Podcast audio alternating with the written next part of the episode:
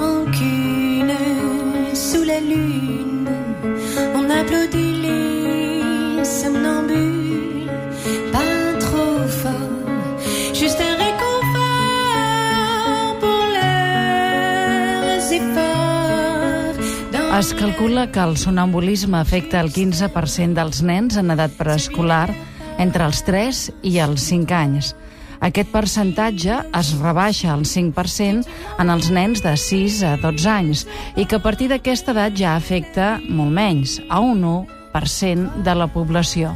Tot i que no és una patologia greu, sí que genera un estat de tensió elevat en les famílies, ja que en casos extrems els menors es poden aixecar fins a 20 vegades cada nit i en un estat d'inconsciència que podria arribar a provocar accidents. Ara sentíem en en Quim, que té 9 anys, eh? i que és un d'aquests nens que els pares l'han hagut de dur al llit fins a 20 vegades en una nit. Però ara tot plegat això està més controlat, oi, Francesc? Doncs és així, ens ho explicava la mare, la Carol, que ha viscut tot aquest procés, evidentment, amb una certa angoixa, i ara sembla que ja comencen a trobar-hi una mica la solució a tot plegat, no, Carol? Sí, sí, fins... Bueno, hem passat una etapa molt, molt llarga d'uns 3 anys i ara... Això des va de- començar tot a partir dels 2-3 anys. del Sí, Quim. dels dos, tres anys. El que passa que al principi ens deien que era una cosa normal, que un nen s'aixequés i tant, doncs que era normal. I així van passar doncs, a- fins que tenia 4 i 5 anys, que la cosa es va complicar perquè s'aixecava doncs, això, de 10 a 15 vegades per la nit. El doctor Òscar Sanz és eh, coordinador de l'unitat del trastorn del son de l'Hospital eh, de Sant Joan de Déu i de l'Hospital de Nens de Barcelona. És veritat que és normal, tots som sonàmbuls quan naixem, no?, d'alguna manera? Sí, hola, bona tarda. Bona tarda. Bona tarda, doctor Sanz. Bona tarda. És, és cert, és cert. I el que li deien a la Carol també és cert. És a dir, fins a cert punt és normal que els nens eh, s'aixequin per la nit, que ho facin de manera esporàdica i ocasional. El que no és tan normal és que ho facin tantes vegades de nit. I per tant és en aquest moment quan eh, la derivació a l'especialista de son, en aquest cas a la unitat de trastorns del son de l'Hospital de Sant Joan de Déu, es va fer per veure si hi havia alguna cosa més, per veure què és el que podíem millorar perquè les nits a la casa no fossin tan mogudes. I què és el que provoca que realment hi hagi persones que siguin sonàmbules? En un primer moment i en un primer lloc s'ha de tenir en compte que hi ha una predisposició genètica. Què vol dir això? Que hi ha gent que, tot i que tots ens despertem de la nit, és a dir, quan estem dormint tots tenim petits despertars i el que prenem és a donar mitja volta i seguir dormint, hi ha gent que té una facilitat perquè qualsevol soroll, per qualsevol estímul extern o fins i tot estímul intern, provoqui un despertar, però aquest no és un despertar autèntic, perquè, com heu comentat abans, el sonambulisme és un procés en què el nen no és conscient del que està passant i eh, el que fan és aquesta, aquest despertar, que posarem entre cometes, i el que fan és això, aixecar-se i fer coses que poden variar bastant. En aquest cas el Quim el que feia era anar al lavabo de vegades, o pensava que anava al lavabo, i altra gent que el que pot fer és anar a obrir la porta de casa i sortir, per això s'ha de posar molt d'èmfasi en evitar que no hi hagin accidents, perquè els accidents poden passar. Què és el que... O sigui, eh, quan s'està sonàmbul es perd una mica la noció del, del perill? Perquè això que em diu obrir la porta i sortir, clar, deuen anar amb pijama o amb molt poca roba. Es perd la noció? Es, es perd la noció perquè estàs dormint, és a dir, no hi ha consciència. Es poden fer coses apreses de manera automàtica, és a dir, coses que, que aprenem a fer, com per exemple, poden sortir de l'habitació i caminar per un passadís que està a les fosques sense, sense cap mena de problema perquè ja se la tenen apresa, diguéssim, la, la ruta i poden fer coses perilloses, evidentment, com obrir una porta, obrir una finestra i malauradament, tot i que no són freqüents, poden passar accidents. Per tant, una de les primeres coses que s'ha d'explicar als pares és que tot i no ser una cosa greu o una patologia perillosa, sí que pot entranyar aquest risc, i aquest risc s'ha d'evitar en la mesura del possible. Uh -huh. Quim, i ara què? Ara què fas quan voltes? Per on, per on voltes? Quan t'aixeques del llit, què és el que et diuen els papes que fas? que faig moltes voltes per als passadissos. Clar, i t'aixeques, a més a més, suat i alterat, eh? No t'aixeques tranquil. No, molt suat. Molt suat. I els papes van descobrir un dia que una manera de calmar-lo era que anés precisament al lavabo, no? Bueno, vam descobrir, no, ens vam donar compte que si el portàvem al llit i el tornaven a, bueno, a fer que dormés, que es posessi a dormir, diguéssim, no, no donava resultat, s'aixecava de cop i sortia corrents un altre cop, però que si el portàvem a fer pipi caca, es relaxava, el portàvem al llit i es quedava dormit fins al dia següent. I això vol dir, doctor, que el, el sonambulisme va associat amb altre tipus de patologies, a vegades, és a dir, que s'ha de descartar eh, una per una les possibilitats que hi hagi fins a decidir que és sonàmbul?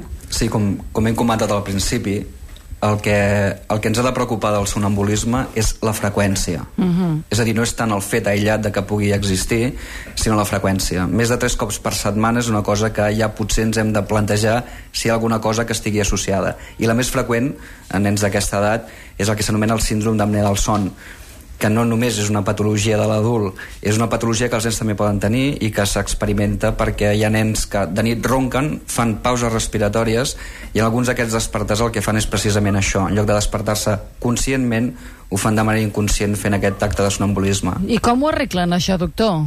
Com ho curen? O com ho, això, com ho arreglen o ho minimitzen, almenys? Com ho arreglem? És una gran pregunta, això. Però perquè no només són factors genètics, genètics, sinó que hi ha factors també externs no?, que poden provocar Espera que vist aquí com ho arregla. A veure com ho arregla el doctor. A veure, a veure, doctor Sanz, arregli-ho. Què? Uh, en principi el que fem és això. Hi ha, hi ha moltes coses que es poden fer. El primer que fem és, és fer una bona història de uh, hores de son, a l'hora que el nen se'n va a dormir, l'hora que s'aixeca...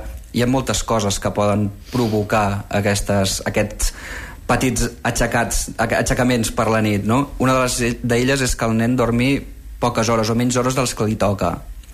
Per tant, és, és fàcil d'arreglar això, perquè augmentem les hores de son i ho tenim fàcilment arreglat.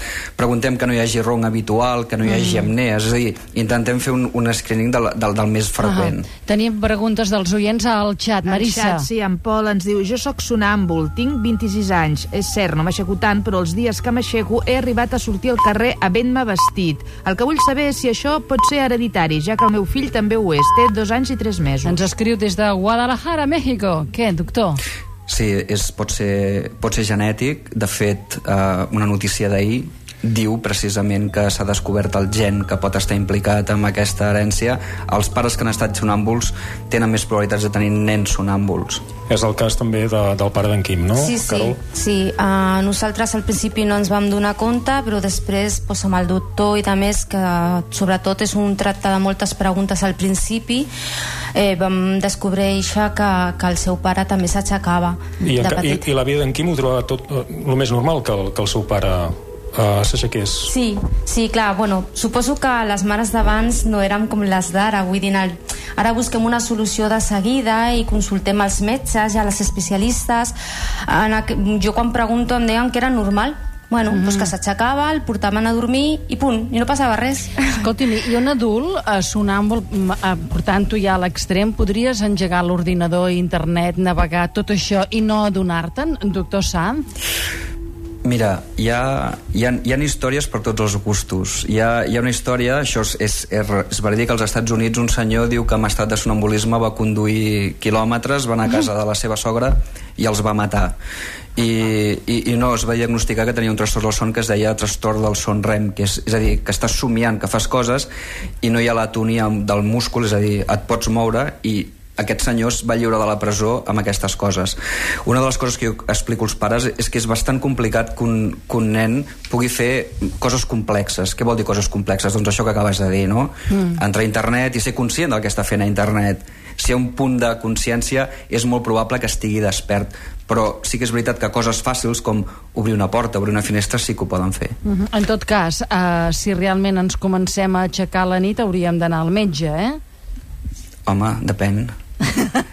Si ens aixequem per anar al lavabo no cal, no, potser. home, vull dir, No. sense que ens n'adonem, no? A veure, és important, primer, la freqüència. És Sí. molt important saber els cops. De vegades les mares ho expliquen, però si és una cosa puntual Ja. i no passa més, no cal donar-li més importància. Dèiem aquestes tres vegades cada dia durant una setmana. Exacte. És, Aquest és, el, diguéssim, el, el tall. seria el primer tall. És a dir, un nano que de manera sistemàtica ho faci tres vegades per setmana, hem de pensar, com a mínim comentar-ho al pediatre, per exemple, i ell decidir si cal anar més enllà o no. Què ens diu eh, un altre oient? Un altre oient ens diu Vaig anar a un internat i hi havia una nena que li passava. Totes reien, però com la despertàvem estava molt alterada. S'alteren, llavors? Aquest és un punt important, el de l'estigma social també en relació a aquests, a aquests nens. Nens o, o adults, O no?